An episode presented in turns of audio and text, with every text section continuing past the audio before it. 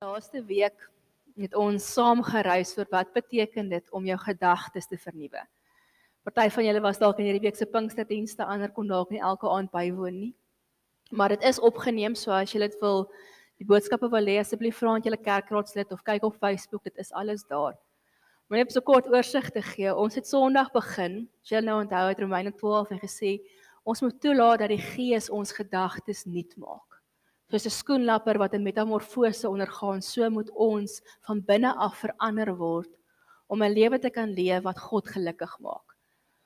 En so het ons verder gegaan en ons het Sondag aand gehoor hoe ons moet onderskei wat die patroon van die wêreld is en wat God se wil is. En dat ons moet aktief soek na God se wil. Toe het ons Maandag aand gesels oor hoe ons ons fokus op God moet sit.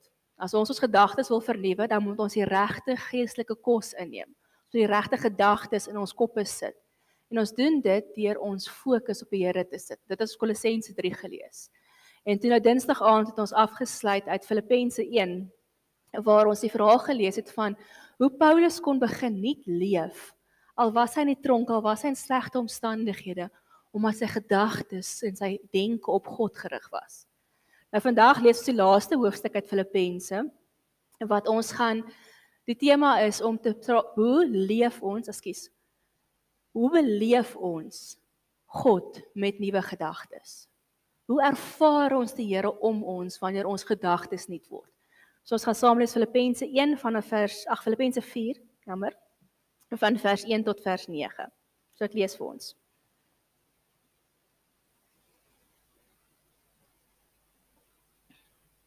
Daarom my broers en susters, julle vir wie ek lief is en na wie ek verlang, my vreugde en my kroon, geliefdes, staan dan so vas in die Here. Ek vermaan vir Judea en ek vermaan Sintige om in die Here eensgesind te wees.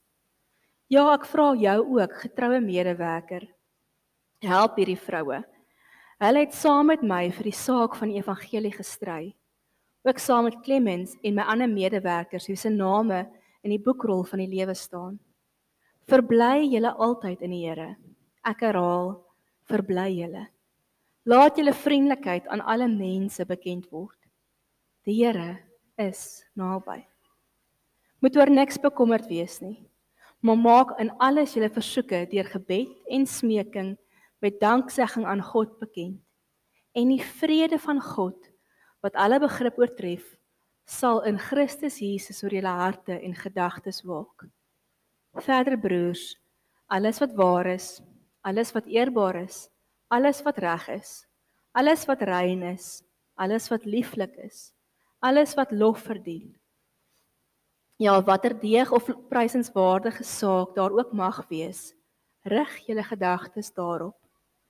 Wat julle van my geleer en ontvang en gehoor en in my gesien het, hou aan om dit te doen en die God van vrede sal met julle wees.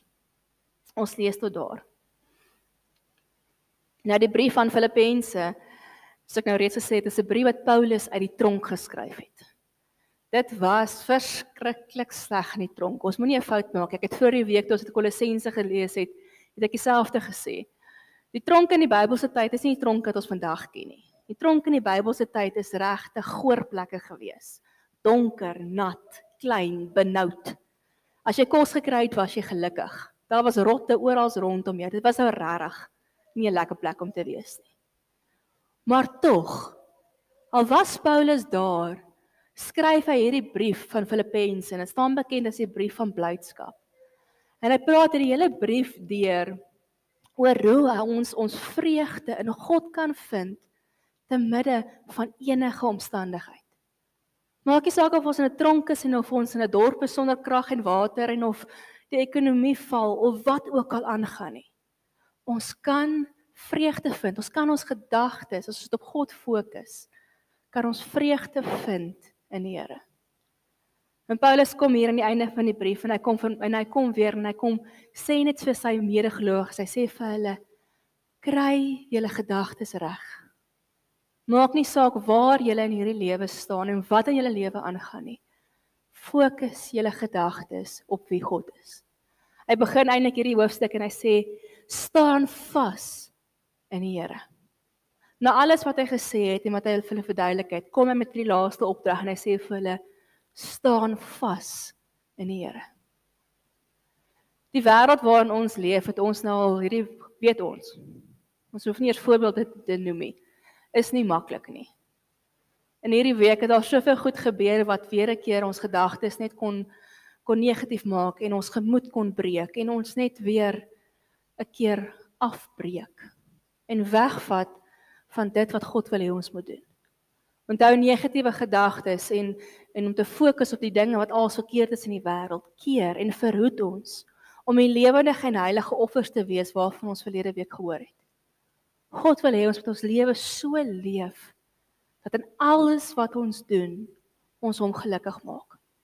En ons kan dit nie doen as ons gedagtes verkeerd is nie. As ons negatief is en net op die dinge fokus wat altyd verkeerd is nie. En daarom kom Paulus nou en hy sê ook vir hulle kom staan vas in die Here. Staan vas. Om vas te staan beteken mos nou met ek wil nou sê half om jouself te plant. As jy nou weet, ek het ons gister rugby gekyk, die billetjies rugby was 'n paar lekker tackles gewees. Maar jy kan sien, party van daai kinders, hulle gaan staan vas. As jy weet moeilike tye kom na jou kant toe, dan moet jy gaan vas staan. Jy moet jou gaan plant en jy moet jou gereed maak vir wat ook al na jou kant toe kom. En dis wat Paulus hier sê. Hy sê vir ons, in hierdie wêreld gaan ons dit moeilik hê. Jesus het dit self ook gesê. Maar staan vas in die Here. Ons moet dit ook baie mooi hoor. So baie keer wanneer ons slegte dinge het wat gebeur en moeilike dinge gebeur met ons, dan gryp ons ons natuurlik eerste na ons familie, na die mense om ons, ons vriende. Ons gryp na dit wat ons veilig laat voel. Maar ons weet ook daai goed is dikwels nie die goed wat ons staande hou nie. En dis wat Paulus ook hier sê, hy sê vir hierdie gelowiges, hy sê vir hulle in die Here moet julle vas staan. Niemand anders kan ons help en niks anders kan ons help in hierdie wêreld wat dit rof gaan en wat ons seer kry en wat dinge nie uitwerk nie. Dis alleen God wat ons kan help. En hierdie boodskap is asof dit keer op keer in hierdie hele week van Hemelvaart af hoor ons hierdie selfde ding. Dit is om God wat ons wêreld moet draai. Dis net die Gees wat by ons is wanneer die storm swoed. Dis die Gees van God wat ons verander.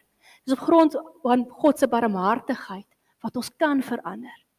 Dis omdat Christus ons lewe is wat ons nie moet word. Dit is om in God vas te staan wat ons anders kan leef. En as ons nou hierdie verhaal kyk wat hier in Filippense staan, dan sien ons hierdie gemeente het maar nog steeds gesukkel daarmee. Net soos Paulus ook maar gesukkel het partykeer om sy gedagtes reg te kry. Want ons sien in hierdie heel eerste vers, sommer die tweede vers, hier heel in die begin, dat daar tussen twee vroue moeilikheid was. Hulle het verskil. En die Paulus kom hy sê vir hulle ek vermaan julle. Ek kom herinner julle, onthou, gelowiges moet eensgesind in die Here wees. Julle moet vas staan in wie julle in God is. Julle moenie in hierdie patroon van die wêreld in verval nie. Nou ek hou nogal van hierdie gedeelte van wat Paulus hierso sê. Eenvoudig oor die feit dat hy nie sê dis verkeerd dat hulle verskil nie. Ons moet dit hoor. As gelowiges in hierdie wêreld, selfs in ons verhoudings, wat dikwels die plek is waar ons die meeste moet kyk dat ons gedagtes reg is, kom sê hy, dit gaan gebeur dat ons verskil. Ons hoef nie dieselfde te wees nie. Om eensgesind te wees beteken nie ons moet dieselfde dink nie maar dit beteken dat ons onderliggende gesindheid selfde moet wees. En wat is hierdie onderliggende gesindheid? Om so te lewe dat God met ons lewens verheerlik word. Dat God gelukkig is met ons lewens. En Paulus sê: "Julle medewerkers, vrouens, het saam met my en Clemens vir die evangelie stry. Julle het moeite gedoen dat hierdie evangelie van God versprei word. En nou dat jy verskil, maak jy skade aan die boodskap van wat ons verkondig het. So wat sê Paulus vir hulle? Hy sê vir hulle: Pas op daarvoor. Moenie afbreek dit wat God wil opbou nie. As ons verskil, ons mag verskil. Moet ons so verskil dat selfs in ons verskille God steeds verheerlik word. Dis nogal iets wat ons moet hoor. Hoe ons verskil by die huis tussen ons man en met tussen man en vrou, met ons kinders. Hoe ons verskil by die skole, hoe ons verskil in die kerk, hoe ons verskil in ons werksplekke. Ons mag verskil. Maar hoe ons verskil moet steeds getuig dat onder dit alles het ons die begeerte om God te verheerlik in ons optrede, in ons woorde, in ons dade. En daarom sê Paulus vir hulle: rig julle gedagtes op God. Rig julle gedagtes op eensgesind in die Here te wees en sorteer dit uit. Hy sê eintlik hier vir hulle net weer 'n keer, soos in al hierdie gedeeltes wat ons gehoor het. Dit is nie maklik om te leef in hierdie nuwe vernuwe gedagtes van die Gees nie. Ons sukkel. Ons sukkel almal. Elke keer as die krag afgaan, dan sukkel ek. Elke keer as die water gaan hierdie weekie sukkel 'n mens. Dis oukei. Okay. Maar mens hou nie op werk nie. Mens hou nie op stry nie. So Paulus sê hier vir hulle verskil, maar verskil met die regte gedagtes. As ons vernuwe word deur die Gees, moet elke liewe deel van ons lewe, en dis wat Paulus hier vir hulle sê, geraak word deur hierdie verandering. Elke liewe dag moet ons bewuslik hieraan werk. Hier was 'n spesifieke verhouding. Maar in alles wat ons doen, moet ons daaraan werk om vas te staan in wie God is en in wie ons in die Here is hoe hy ons nuut gemaak het. Ons kom vier vandag nagmaal. En nagmaal is die teken van hoe God ons kom skoon was het. Hoe Jesus toe aan die kruis gesterf het vir ons 'n nuwe lewe moontlik gemaak het. Ons kom vier dit. Maar ons moet kom vas staan in die wete van wie ons in God is. Dis hoekom ons dit vier. So nou is die vraag, hoe staan ons vas? In die omstandighede waarin ons leef. Of dit nou is as Judea en Sintige of dit is in 'n dorp sonder krag en water of dit is wat ook al in jou lewe aangaan. Hoe kry jy dit reg? Dat hierdie nuwe gedagtes waarmee ons heel week besig is, nie net weggaan nie. Nie net verdwyn soos mis voor die son wanneer dit begin moeilik raak nie. Hoe staan ons vas? Hoe plant ons onsself gereed vir enige iets in die Here? Nou dis waar Filippense 4 verder gaan. Die eerste ding wat ons sien is kleins in vers 4, vers 5 en vers 8, die gedagte van blydskap. Vers 4 staan daar: Verbly julle in die Here. Verbly julle altyd in die Here. Ek herhaal, verbly julle. En dan in vers 8 Vers 5 gaan Paulus verder en hy sê: "Sit laat julle vriendelikheid aan almal bekend word." Ons het vroeër die week het ons ook gepraat oor hierdie gedagte van blydskap. Dat Kolossense om ons fokus op die Here te sit. As mense na ons kyk en na ons lewens kyk, moet ons lewens die vrug dra dat ons van binne verander is. Dat ons nie vies raak en moedeloos raak oor alles wat om ons gebeur nie. Inteendeel, ons lewe moet ons getuig van vreugde en vriendelikheid en blydskap en alles wat lofwaardig is en goed is en rein is. Hierdie goed ons in vers 8 ook gelees het. So 'n paar weke terug kinders, ek weet nie of julle onthou net, ons het ballon, twee ballonne hier gehad. Louise het nog hier bo by my bo gestaan. En een ballon het gebars toe ons hom oor die kers hou, maar die ander ballon het nie gebars nie. Onthou julle dit? Ja. En ons gesê die ballon bars nie want jou vreugde is in die Here en nie in hierdie ander goeders nie. As ons bly is, as ons onsself vashou in die Here, Maar maak nie saak wat kom nie, sal ons nie stikkend gaan nie. En dis wat Paulus ook hier deur die hele brief sê. Hy sê al sit hy in die tronk en al is dit rof en lelik en sleg om hom, al kry hy fisies swaar, begin sy blydskap in God nie tot net nie.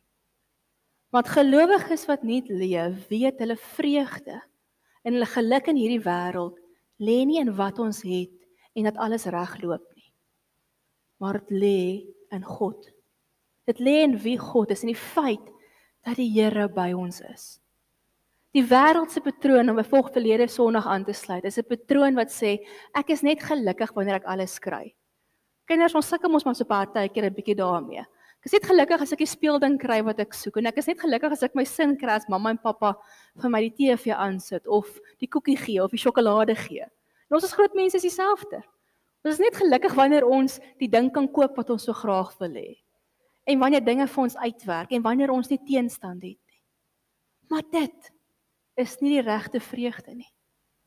As ons vernuwe mense is, dan moet ons selfs wanneer dinge nie uitwerk nie, wanneer ons nie ons sin kry nie, wanneer dit met ons rof gaan, ons blydskap kan vind in God. As ons fokus en ons oog op God is, sal ons weet dat selfs al gaan dit sleg, al kry ons swaar, al het ons seer, het ons 'n diep vreugde steeds in ons.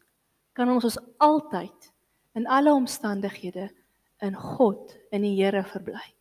Soos Paulus hier sê. En die rede hoekom ons dit kan doen, staan ons in die volgende vers. Waar daar staan die Here is naby. Dis hierdie hierdie ongelooflike paar woordjies. Net die Here is naby. Maar in hierdie paar woordjies kom word soveel ongelooflike troos vir ons gegee. Ek kom sluit weer aan by wat ons in Hemelvaart gepraat het oor hierdie boot waarop ons is en hierdie lewensstorm. Partykeer voel dit vir ons hier kom meer water in as wat ons kan uitpomp en ons weet nie hoe gaan ons dryf, hoe gaan ons bo bly nie. En ons daar geleer het dat die Heilige Gees wat ons vandag vier, die Parakleet is, die Gees wat hier agter ons is, by ons is. Ons nie een oomblik alleen laat nie, ons eintlik beskik van die storm.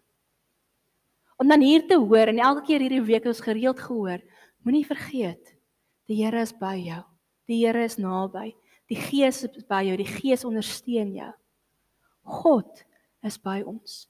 Die rede waarom ons kan sterk staan en vas staan in alle omstandighede en kan bly wees is omdat God in elke oomblik by ons is. Dink dit 'n bietjie vir jouself in. Wanneer jy daar staan en jy Jy staan dalk by 'n siekbed. Weet 'n geliefde wat siek is en jy wonder, hoe maak ons? Wat gaan gebeur? Hoe lyk die toekoms? Gaan ek oukei okay wees? Gaan hierdie persoon gesond word? En al daai worstelinge, daai stoomroller gedagtes wat ons skryf wat een na die ander negatiewe gedagte en moedeloosheid ons beetpak. As jy net in daai oomblik kan terugtreë en vir jouself hierdie vier woordjies kan sê: Die Here is naby. Want dit is God se belofte. Dit is wat ons vier vandag met Pinksterfees. Ons vier dat die Heilige Gees uitgestort is op gewone mense. Gewone mense soos ek en jy en hoe God vir ons kom wys het. Ons is nie meer wees nie. Ons is nie alleen in hierdie wêreld nie. Ons is alleen in ons storms nie. Ons is alleen langs daardie siekbed nie. Ek sê alleen in my werk wat partykeer moeilik gaan nie. Ek sê alleen in my huis nie. Ek sê alleen by die skool waar die maatjies my boelie nie want God is by my. Dit is Pinkster. Dit is Pinksterfees, die gees van God wat naby ons is, in ons is. En daarom kan ons in alle tye bly wees. Kan ons in alle tye in die Here kom staan en sê hierdie storm, hierdie slegte ding wat my gebeur, gaan my nie onderkry nie.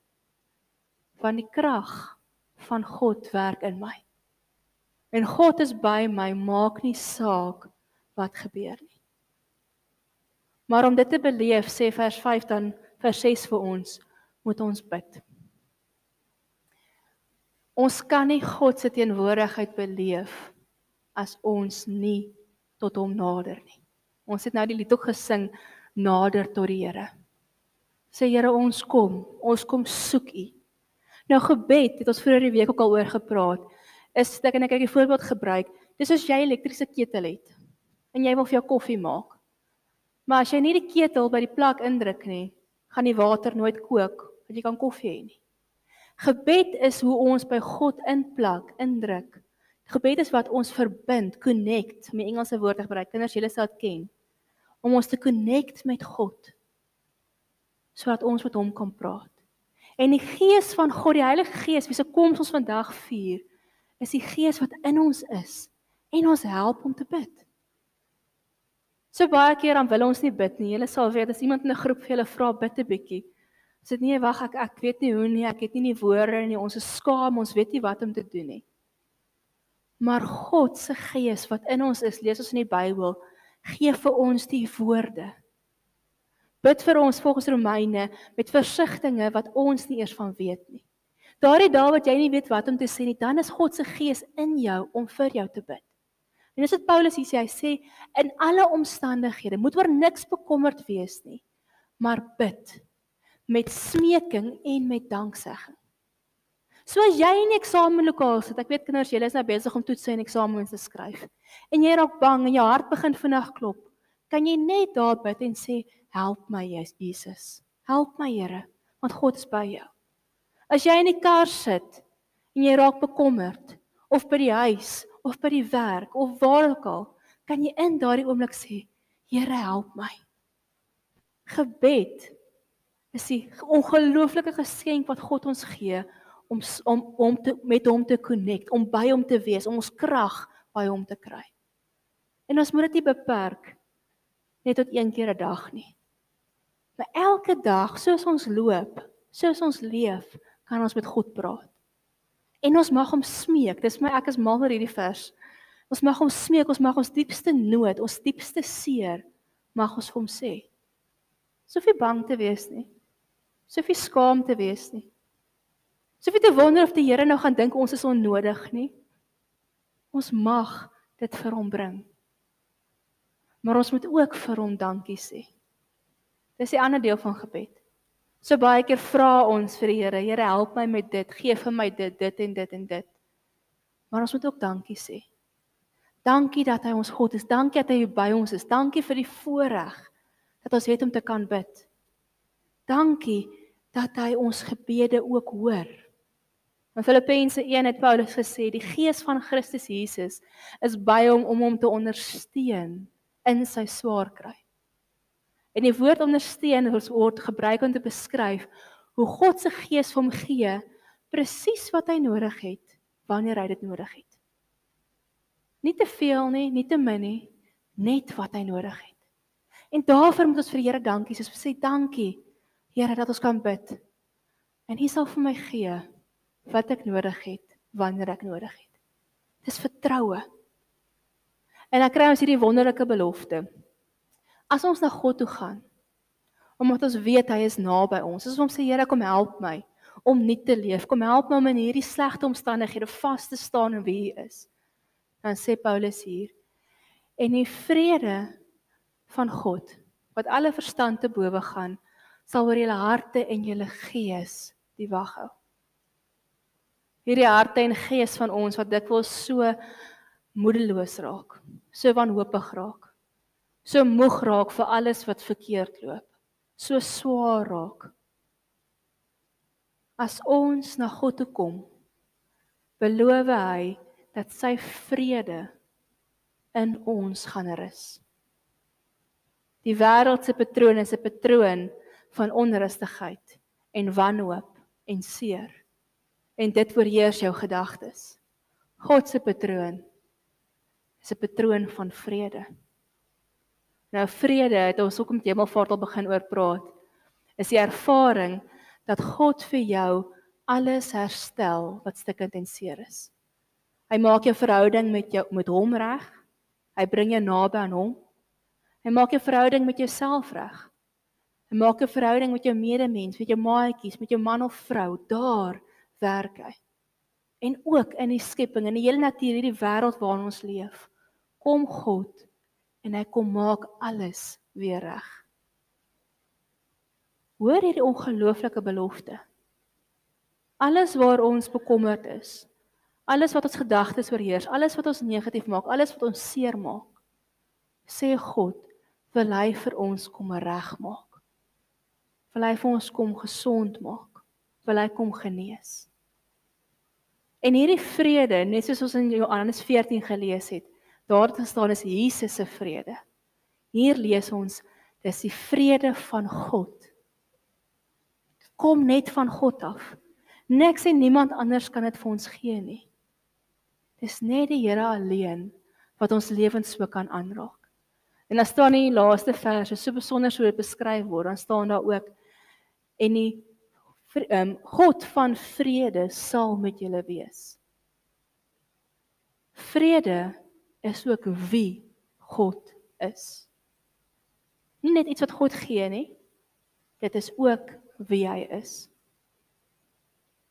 As ons toelaat dat God se gees binne ons werk, ons gedagtes op hom rig in alle tye. As ons ons vreugde vind in wie hy is, te midde van waar ook al ons is in ons lewens. Dan kry ons hierdie belewenis, hierdie belofte dat ons God sal beleef. Dat ons God se vrede en die God van vrede, die God wie vrede is, sy wese is vrede, sy wese is herstel. Dat ons God so sal beleef. Om God te beleef beteken dat in elke dag wat ons sien, wat ons hoor, wat ons voel, wat om ons gebeur, sal ons agterkom dat hy om ons is, by ons is. Om God te beleef is nie net iets wat ons wat nou en dan in ons lewens moet gebeur nie. Ons beleef God nie net in 'n erediens nie. Ons beleef hom nie net wanneer ons Bybel lees nie. Ons beleef hom nie net wanneer ons bid nie. God se begeerte is om vir ons te sê word bewus dat ek elke sekonde om julle is. In hierdie wêreld waarin ons leef, vol seer, vol siekte, vol dinge wat nie lekker is nie. Sê God, die belofte van die Gees is dat hy hier by ons is. Vandag vier ons Pinksterfees. Duisende jare terug was die gelowiges byeen en het God geloof en geprys en aanbid. En die gees van God het in vlamme op hulle koppe neergedaal. En hulle almal het God beleef. Vandag nog beleef ons God. Dis nie iets wat net daar gebeur het en nooit weer nie. Vandag vier ons hoe Gees van God ook in ons is. Sodat ons kan sê waar ek ook al nou in my lewe staan. En wat ook al my storm is, wat ook al my kommer is, ek staan vas. Want die Gees van God, die Here self, is naby my. En sy vrede is in my. So ek wil vir julle uitdaag in hierdie week wat kom. Wanneer daardie storms jou slaan en daardie negativiteit jou beetpak en jy begin bekommerd raak en jy begin wonder en jy seer kry omdat dinge nie werk nie. Herinner jouself aan hierdie belofte. Die gees van God is in jou. Hy is by jou. En hy sal jou help. Vind wie jy is. Vind jou vreugde in hom en hy sal sy vrede in jou lewe so uitstort dat jy elke oomblik sal beleef hoe hy jou vashou en by jou is. Sit jou gedagtes op hom. Want God laat ons nooit in die steek nie. Ons vier vandag nagmaal. Nagmaal wat ons herinner hoe God alles kom doen het vir ons sodat ons sy kinders kan wees. Hoe hy ons sonde en ons ou lewe kom wegvat het om ons nuut te maak. Kom ons vier dit vandag met blydskap. Kom ons vier dit met 'n vreugde in ons hart omdat ons weet die Here is besig met ons. Ons vier dit met dankbaarheid vir wat hy vir ons gedoen het. En ons beleef net hoe die Here vir ons in sigbare tekens sodat ons nie vergeet nie. Sodat ons kan beleef, sodat ons kan voel en hoor en sien en proe. Vir ons kom sê hy is by ons. So kom ons vra dit nou vir die Here dat hy ons so sal aanraak en ons gees sal versterk. Here, dankie vir die voorreg om u kind te kan wees. Here, om in 'n wêreld wat dikwels ons gedagtes wil afbreek en ons moedeloos en wanhoopig maak, aan u te kan vasklou, Here. Here, ek ken elke mens van vandag hier is en wat luister se hart, Here, ek ken hulle seer, ek ken hulle uitdagings. Here, maar te midde van dit alles, is U steeds God. Here en kom raak ons gedagtes en ons harte so aan Heilige Gees dat ons